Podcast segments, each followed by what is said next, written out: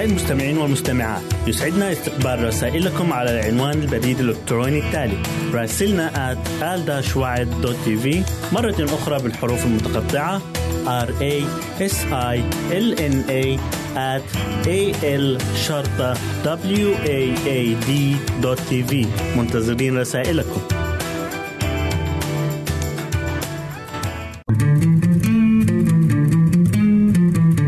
أنتم تستمعون إلى إذاعة صوت الوعد.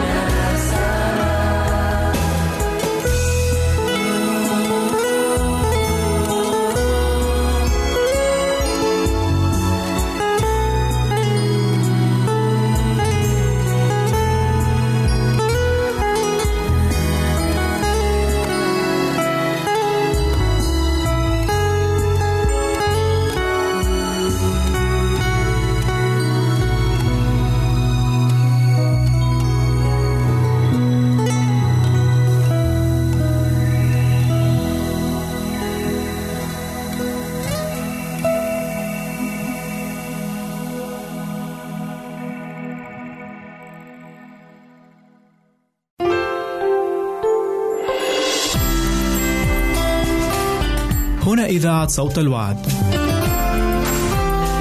لكي يكون الوعد من نصيبك. يمكنك استماع وتحميل برامجنا من موقعنا على الإنترنت www.awr.org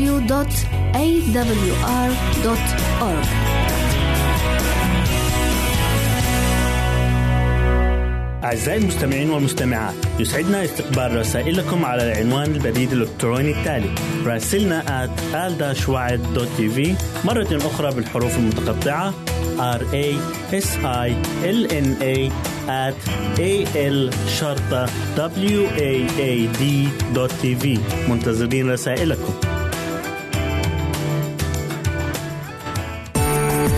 إذا أردت دراسة الكتاب المقدس يمكنك الكتابة إلينا على عنواننا وستحصل على هدية قيمة بعد انتهائك من الدراسة.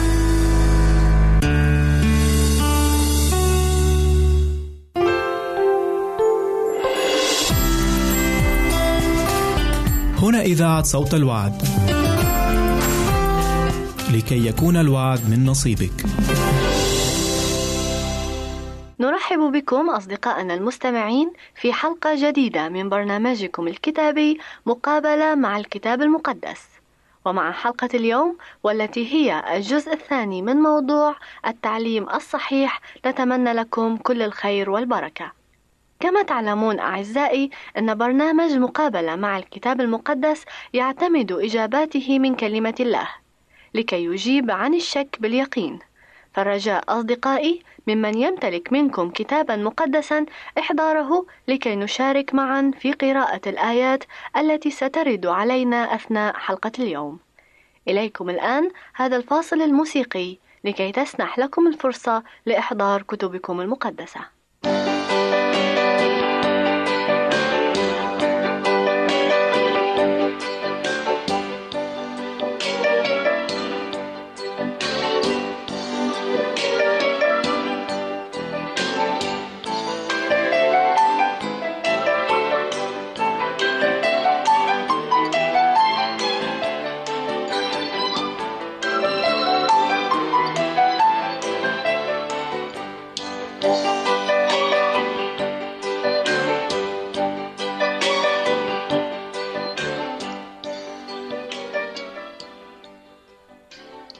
الشافعي أخي لا تنال العلم إلا بستة سأنبيك عن تفصيلها ببياني.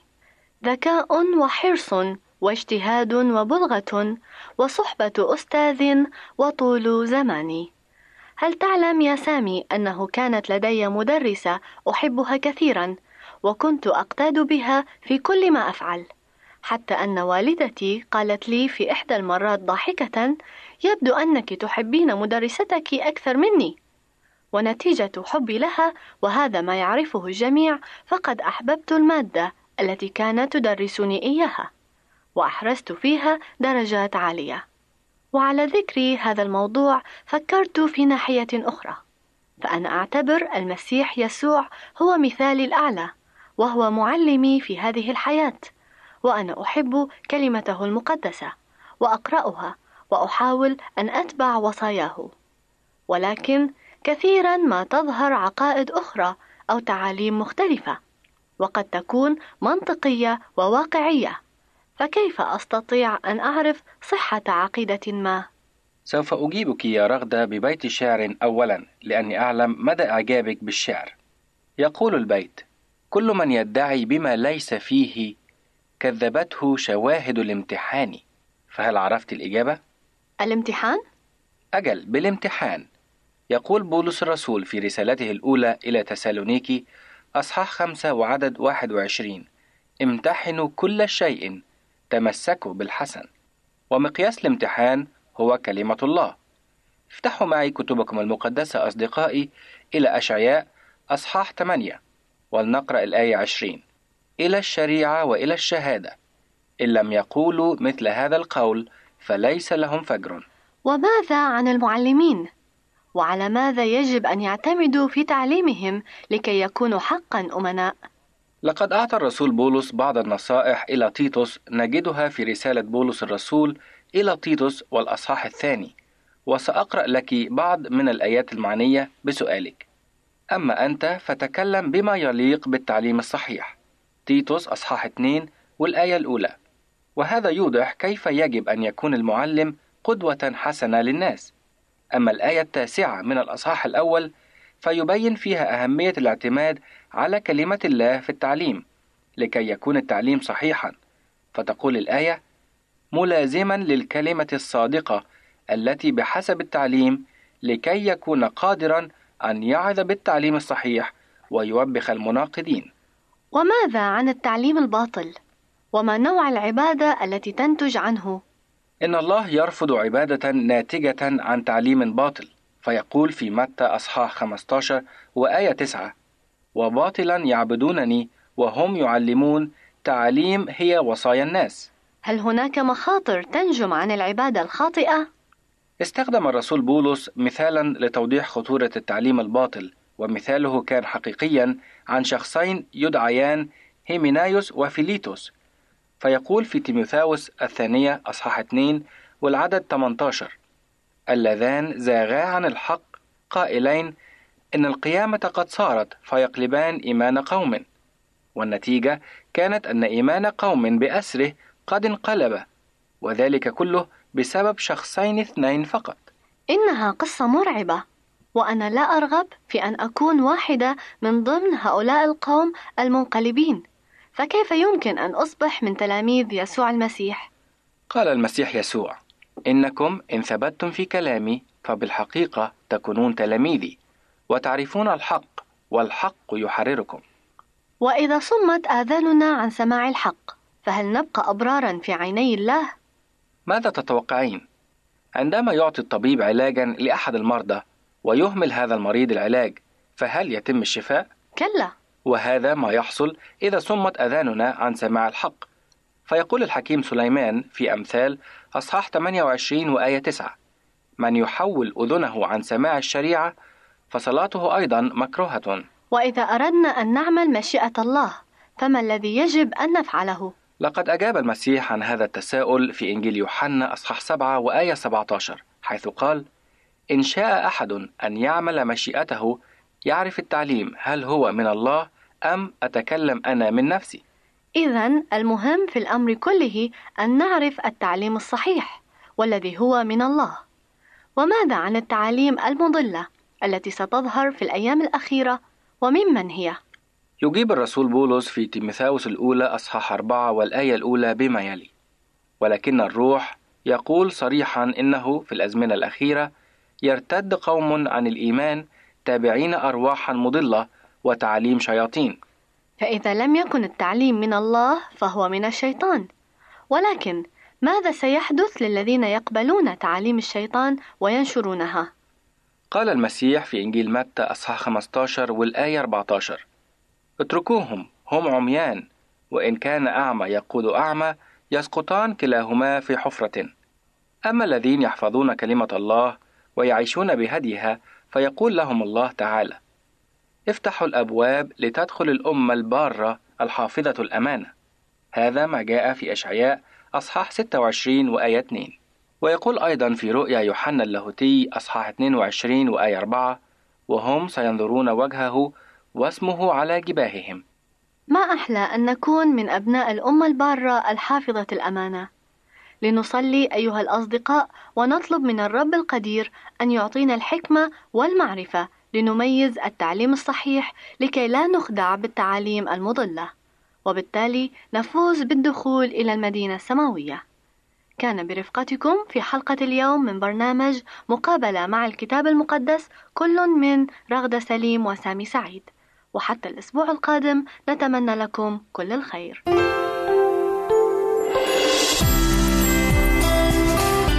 هنا إذاعة صوت الوعد. لكي يكون الوعد من نصيبك. يمكنك استماع وتحميل برامجنا من موقعنا على الإنترنت www.awr.org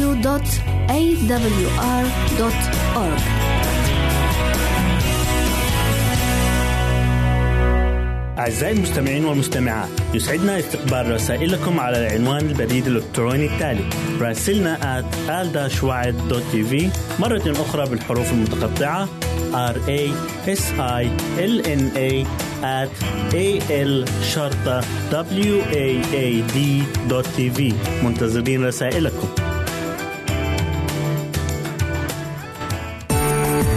إذا أردت دراسة الكتاب المقدس يمكنك الكتابة إلينا على عنواننا وستحصل على هدية قيمة بعد انتهائك من الدراسة.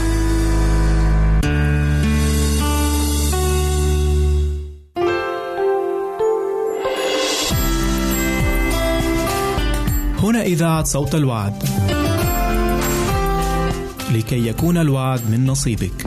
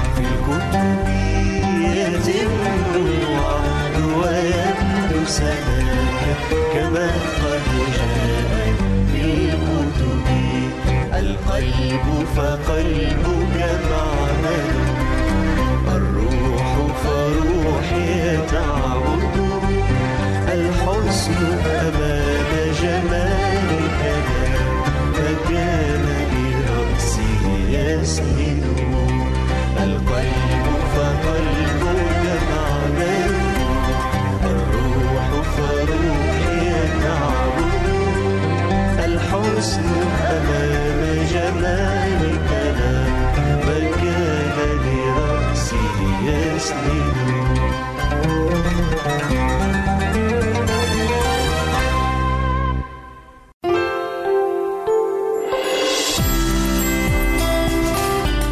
إذاعة صوت الوعد. لكي يكون الوعد من نصيبك. يمكنك استماع وتحميل برامجنا من موقعنا على الإنترنت www.awr.org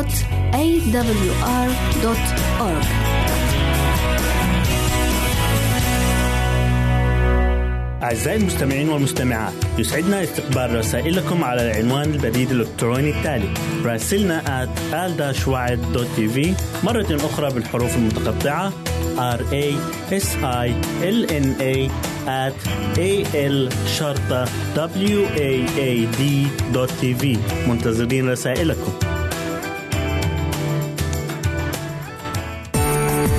إذا أردت دراسة الكتاب المقدس يمكنك الكتابة إلينا على عنواننا وستحصل على هدية قيمة بعد انتهائك من الدراسة.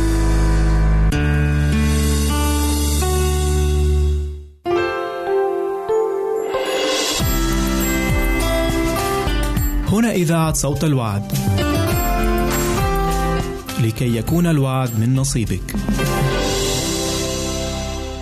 مستمعينا الأفاضل مستمعاتنا الفاضلات مرحبا بكم معنا في هذه الحلقة الجديدة من برنامجكم الحياة الأسرية في حلقتنا لليوم سنتابع معكم موضوع الحلقة الفائتة والذي يتحدث عن الانتباه المركز وضرورته بالنسبة للأطفال بعض الأطفال وغالبا الفتيات الذين حرموا من الانتباه المركز من طرف أهلهم يبدو أنهم يتصرفون تماما عكس ما هو منتظر.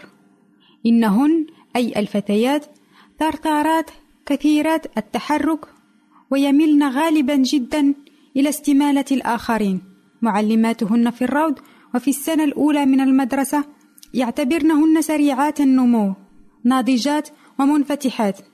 ولكن عندما يكبرن هذا التصرف يتغير ويصبح أكثر فأكثر غير متوازن.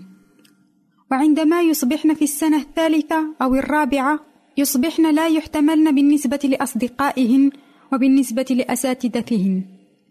ولكن حتى في هذا المستوى المتقدم الانتباه المركز وخصوصا من طرف الأهل يستطيع أن يقلل كثيرا من تصرفهن المدمر.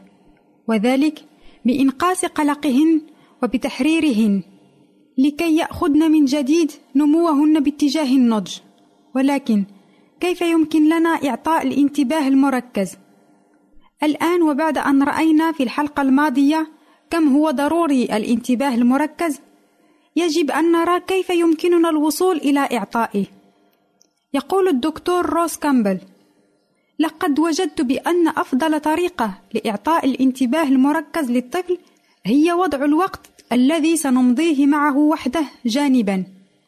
إني أراهن أنكم تفكرون بأنه سيكون من الصعب فعل ذلك. وأنتم على حق. أن نجد الوقت لكي نكون لوحدنا مع طفلنا أحرارا من كل الارتباطات هو ما أعتبره أنا من أصعب الأشياء في تربية الأطفال. وهذا ما يجعل الفرق بين الأهل الممتازين والآخرين وبين الذين يضحون والذين لا يفعلون الذين يقلقون كثيرا على أطفالهم والذين لا يقلقون إلا قليلا الذين يضعون اهدافا والذين لا يفعلون. فلنتقبل إذن أن تربية الطفل جيدا تأخذ وقتا طويلا. أن نجد الوقت الكافي في مجتمعنا النشيط جدا شيء صعب خصوصا عندما يتعلق الأطفال بالتلفزة ويفضلون غالبا جدا تمضية وقتهم أمامها. وهذه تعتبر أسبابا أخرى أكثر استعجالا والتي تجعل من الانتباه المركز ضروريا. وأكثر من أي وقت آخر في التاريخ الأطفال يتأثرون بالقوى الخارجة عن البيت. ويجب بذل مجهودات جبارة لسرقة الوقت في أيام تكون مليئة بالعمل. ولكن المقابل يعتبر كبيرا جدا ورائعا جدا. من الرائع رؤية الطفل سعيدا في أمان محبوبا من طرف أصدقائه ومن طرف الأشخاص البالغين. الذي يتعلم جيدا ويتصرف بأفضل ما يملك. ولكن صدقوني أيها الأهل هذا لا ينجز أوتوماتيكيا. يجب علينا أن ندفع الثمن أولا. يجب أن نجد الوقت لنمضيه لوحدنا مع كل واحد من أطفالنا.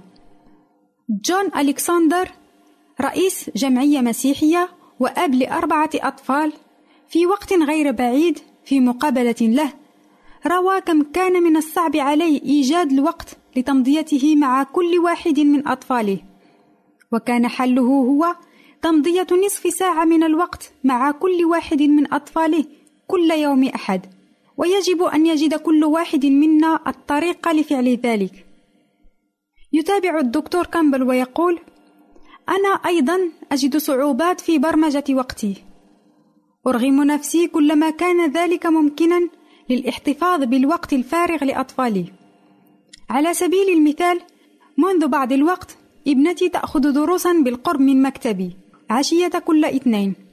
وأرغم نفسي على برمجة مواعيدي لكي أستطيع ملاقاتها من بعد دروسها. نقف أمام مطعم لتناول الطعام معا. وفي أوقات كهذه وخارج ضغوط الوقت والانقطاعات كنت قادرا على إعطائها كل انتباهي وأن أستمع جيدا إلى كل ما تريد قوله لي.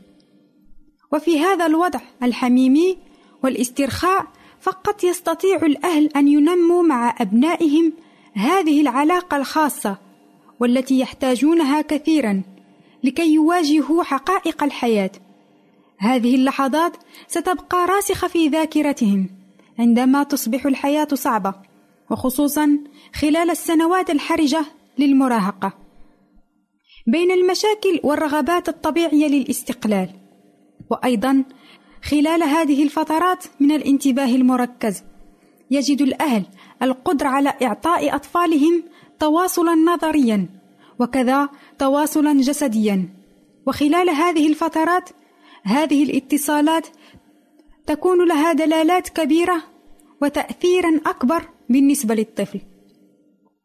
بطبيعة الحال كلما كان لدى الشخص أطفال كلما كان من الصعب عليه إعطاء كل واحد الانتباه المركز الضروري. يقول الدكتور كامبل في قصة أخرى من قصصه الشخصية: أتذكر أنني أعطيت نصيحة لطفلة تبلغ من العمر سبع سنوات، والتي كان لديها مشاكل كثيرة بالمدرسة وأيضا بالبيت. مشاكل مع الفروض في علاقتها مع الأصدقاء مع إخوتها وأخواتها بسبب تصرف غير ناضج.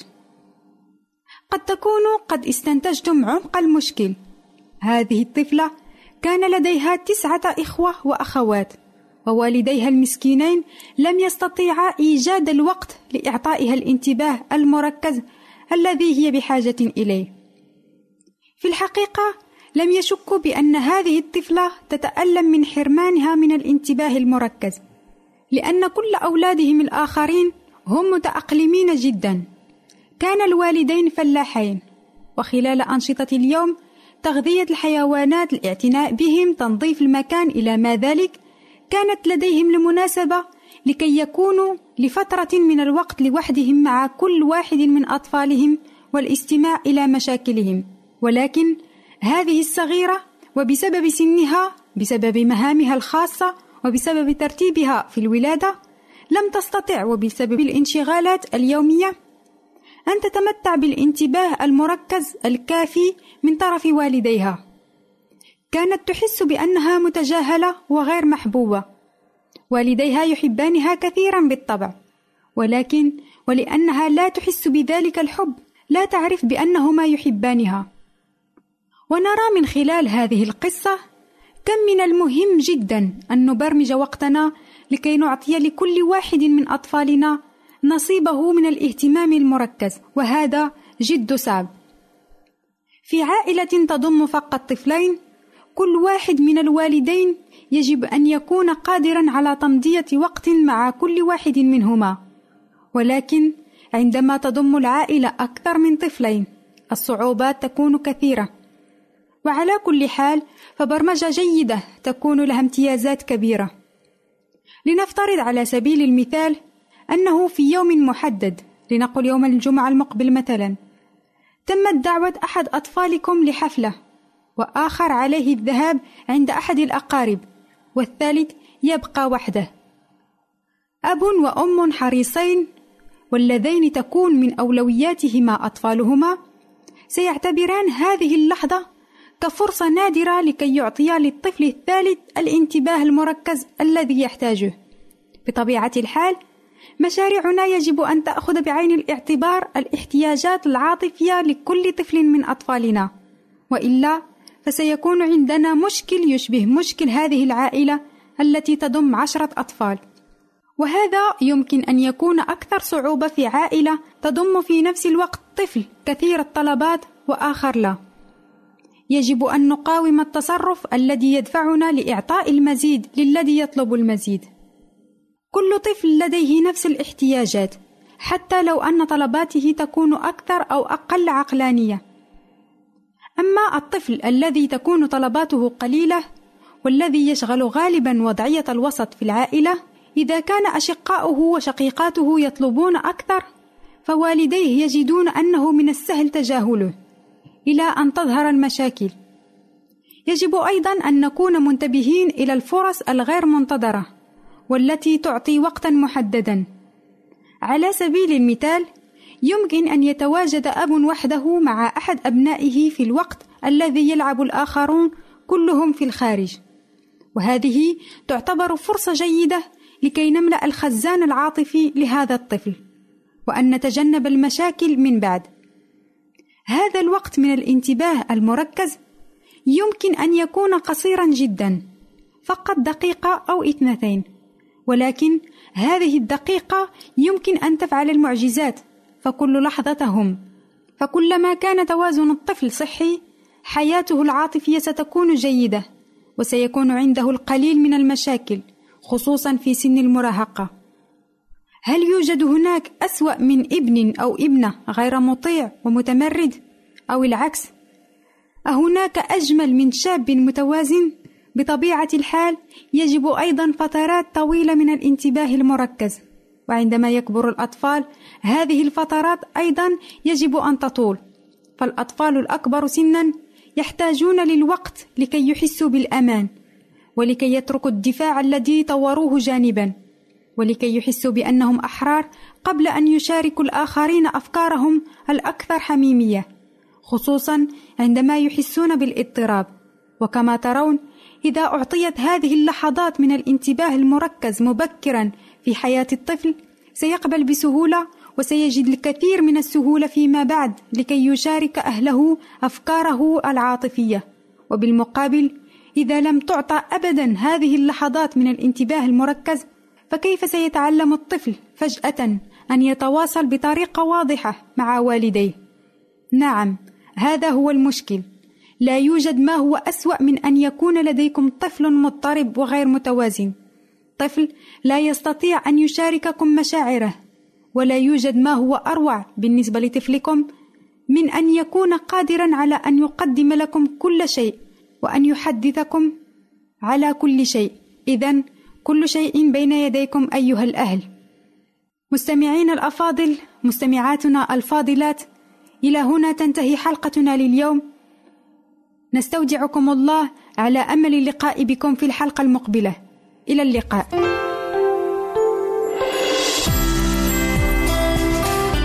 هنا إذاعة صوت الوعد. لكي يكون الوعد من نصيبك. يمكنك استماع وتحميل برامجنا من موقعنا على الإنترنت www.awr.org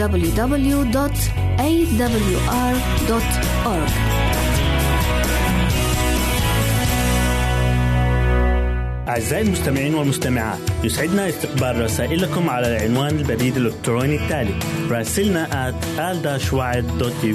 مرة أخرى بالحروف المتقطعة r a s i l n a at a l شرطة w a a d منتظرين رسائلكم.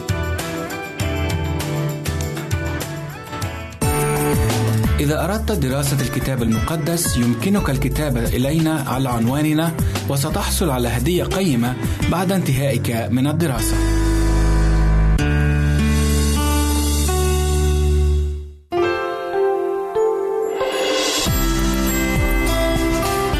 هنا إذاعة صوت الوعد. لكي يكون الوعد من نصيبك.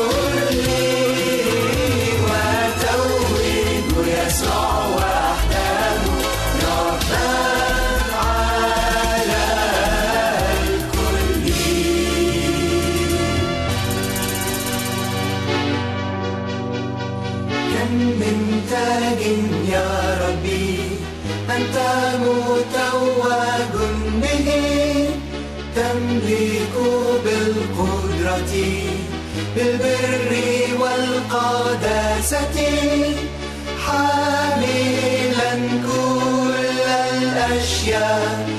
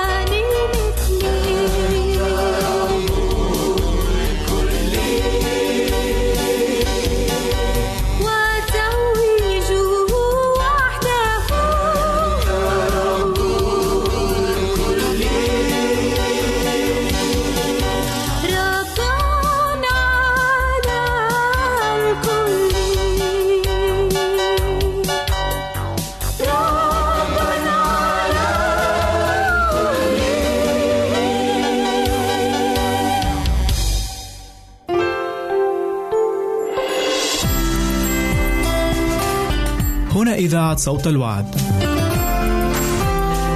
لكي يكون الوعد من نصيبك. يمكنك استماع وتحميل برامجنا من موقعنا على الإنترنت www.awr.org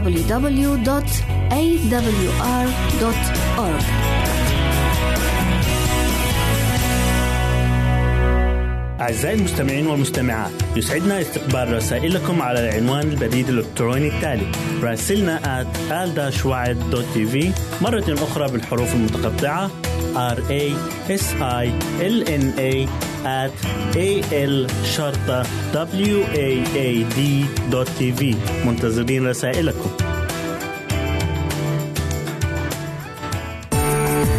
إذا أردت دراسة الكتاب المقدس يمكنك الكتابة إلينا على عنواننا وستحصل على هدية قيمة بعد انتهائك من الدراسة.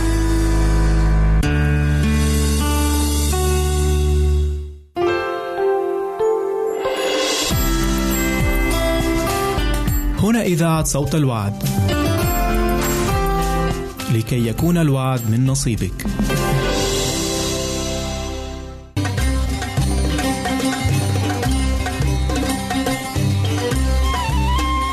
جولة في أمثال المسيح.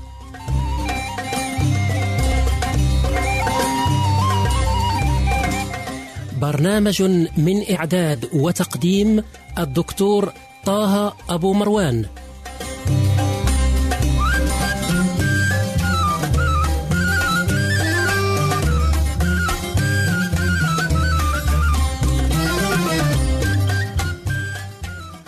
مستمعي الأكارم أسعد الله أوقاتكم بكل خير وأهلا بكم إلى مثل جديد من أمثال المسيح. نقدم اليوم مثل الغني الغبي الوارد في إنجيل لوقا الفصل الثاني عشر ابتداء من الآية الخامسة عشرة وانتهاء بالآية الواحدة والعشرين. جاء في هذا المثل أن واحدا من الجمع قال ليسوع يا معلم قل لأخي أن يقاسمني الميراث. فقال له يا إنسان من أقام من أقامني عليكما قاضيا أو مقسما. وقال لهم انظروا وتحفظوا من طمع فإنه متى كان لأحد كثير فليست حياته من أمواله وضرب لهم مثلا قائلا إنسان غني أخصبت كورته ففكر في نفسه قائلا ماذا أعمل؟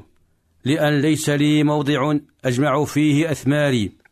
وقال أعمل هذا أهدم مخازني وأبني أعظم وأجمع هناك جميع غلاتي وخيراتي وأقول لنفسي يا نفس لك الخيرات كثيرة متنوعة لسنين كثيرة.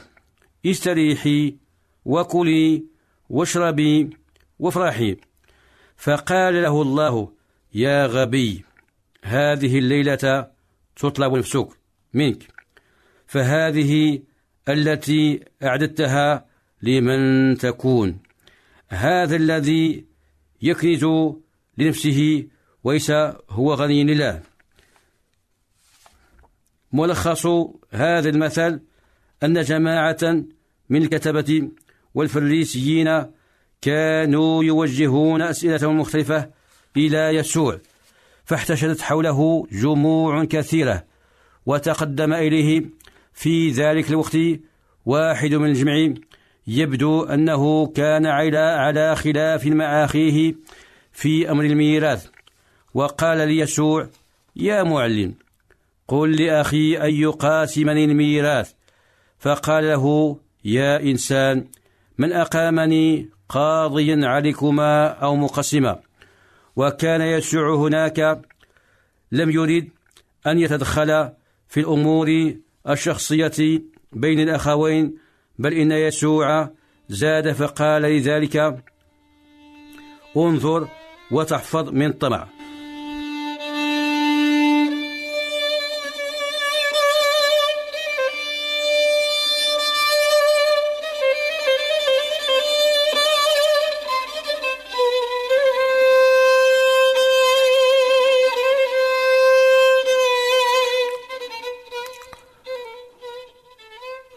أخي المستمع إن الأنانية وحب الذات سيطرت على هذا الغني حيث إنه لم يفكر إلا في نفسه فإنه قال سأعمل مكانا جديدا لجمع الثمار وأبني مخازن وأجمع الخيرات وأقول لنفسي يا نفس لك خيرات كثيرة موضوعة لسنين كثيرة استريحي وكلي واشربي وافرحي. والأنانية معناها حب الذات إلى حد المبالغة وهي منسوبة إلى ضمير المتكلم.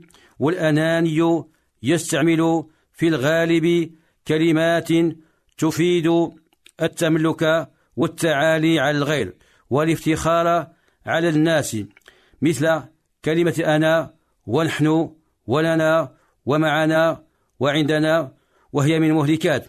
يقول الشاعر أربعة مهلكة للعبد أنا ونحن ومعي وعندي. إن الغني في هذا المثل نسي أو تناسى أن يحسب حسابا للحياة الأبدية بل إنه طرح الحياة الأبدية من فكره وعقله وذهنه أصلا. فعندما أخصبت أرضه وأعطت غلالها فكر في نفسه وقال ماذا أعمل؟ لأن ليس لي موضع أجمع فيه أثماري وغلاتي ولم يفكر في أحد غيره من المحتاجين والمعوزين والمحرومين والضعفاء.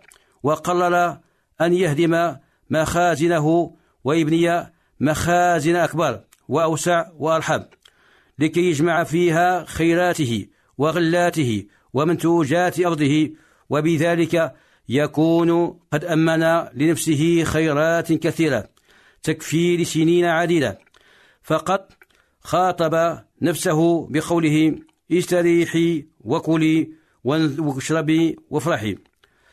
إن استراحة نفس هذا الغني لن تدوم لأنه لا يلبث حتى يناديه الله بقوله يا غبي هذه الليلة تطلب نفسك منك. فهذه التي أعددتها لنفسك لمن تكون.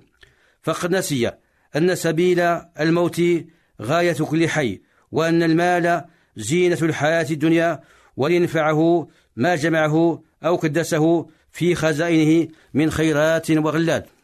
وغباوة هذا الغني تكمن في أنه يكنز الثمار لنفسه لا لله والغني والحالة هذه ليس غني لله إذ نسي أن الحياة الحاضرة ما هي إلا قنطرة العبور منها الحياة الأبدية الدائمة الباقية.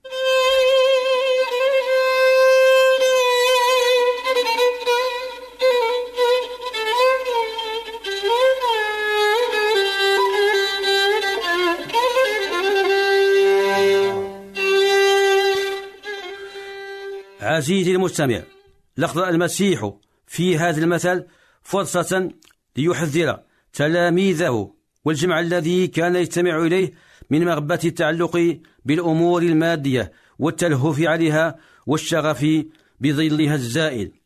ومثل المسيح هنا موجه للأغنياء الذين يعيشون في ترف وبذخ ويضعون ثقتهم في أموالهم ويتخذون منها إلها دون أن يقيموا وزنا للسائل والمحروم. لقد استولت مباهج العالم وزخرف الدنيا على هذا الغني وما ثم قال لنفسه إنني لن ينقصني أي شيء. فصار عجينة طيعة في يد الأهواء تلعبه كيف شاء كيف شاءت. وظن أن السعادة في جمع المال وتكديسه وليس السعادة جمع مال ولكن التقي هو السعيد. لقد حضر المسيح في أكثر من مناسبة من تلهف على حطام الدنيا وحذر من حب المال دون عبادة الله. فقد قال في عظته الشهيرة على الجبل لا يقدر أحد أن يخدم سيدين. لأنه إما أن يبغض الواحد ويكره الآخر أو يلازم الواحد ويحتقر الآخر. لا تقدرون أن تخدموا الله والمال. وما جعل الله لرجل من القلبين في جوفه. فالقلب لا يصح أن يوزع على الأمور المختلفة. عزيزي المستمع يتحدث الناس عن التقاعد والتخطيط للتقاعد. وهذا أمر جيد وعمل مطلوب ولكن إهمال الحياة بعد الموت كارثة ومصيبة عظمى. فلو جمع الإنسان المال وكدسه وجعله ركاما فإنه لن يغنيه شيئا ولن يدخل بسببه الحياة الأبدية. إذا لم يكن له اهتمام بالفقراء والمحتاجين والمعوزين والمحرومين. إن, إن كل شيء في العالم ظل زائل وخيال حائل وحطام لا يدوم. ورب يسوع يستثير اهتمامنا وتفكيرنا في أن ننظر إلى ما وراء الأهداف الأرضية. فهذا شيء خطير وعلينا أن لا نستخدم أموالنا لأنفسنا بل علينا أن نعاون الفقراء. فكل ما فوق التراب تراب وقد ضمن أحد الشعراء مثل الغني الغبي في بيتين سار مسار الشمس فقال ألا إنما الدنيا غضارة أيكة. إذا اخضر منها جنب جف جانب فلا تكتحل عيناك منها بعبرة. على ذاهب منها فإنك ذاهب. أخي المستمع احرص على الحياة الأبدية. أخي المستمع فما عند الله خير وأبقى.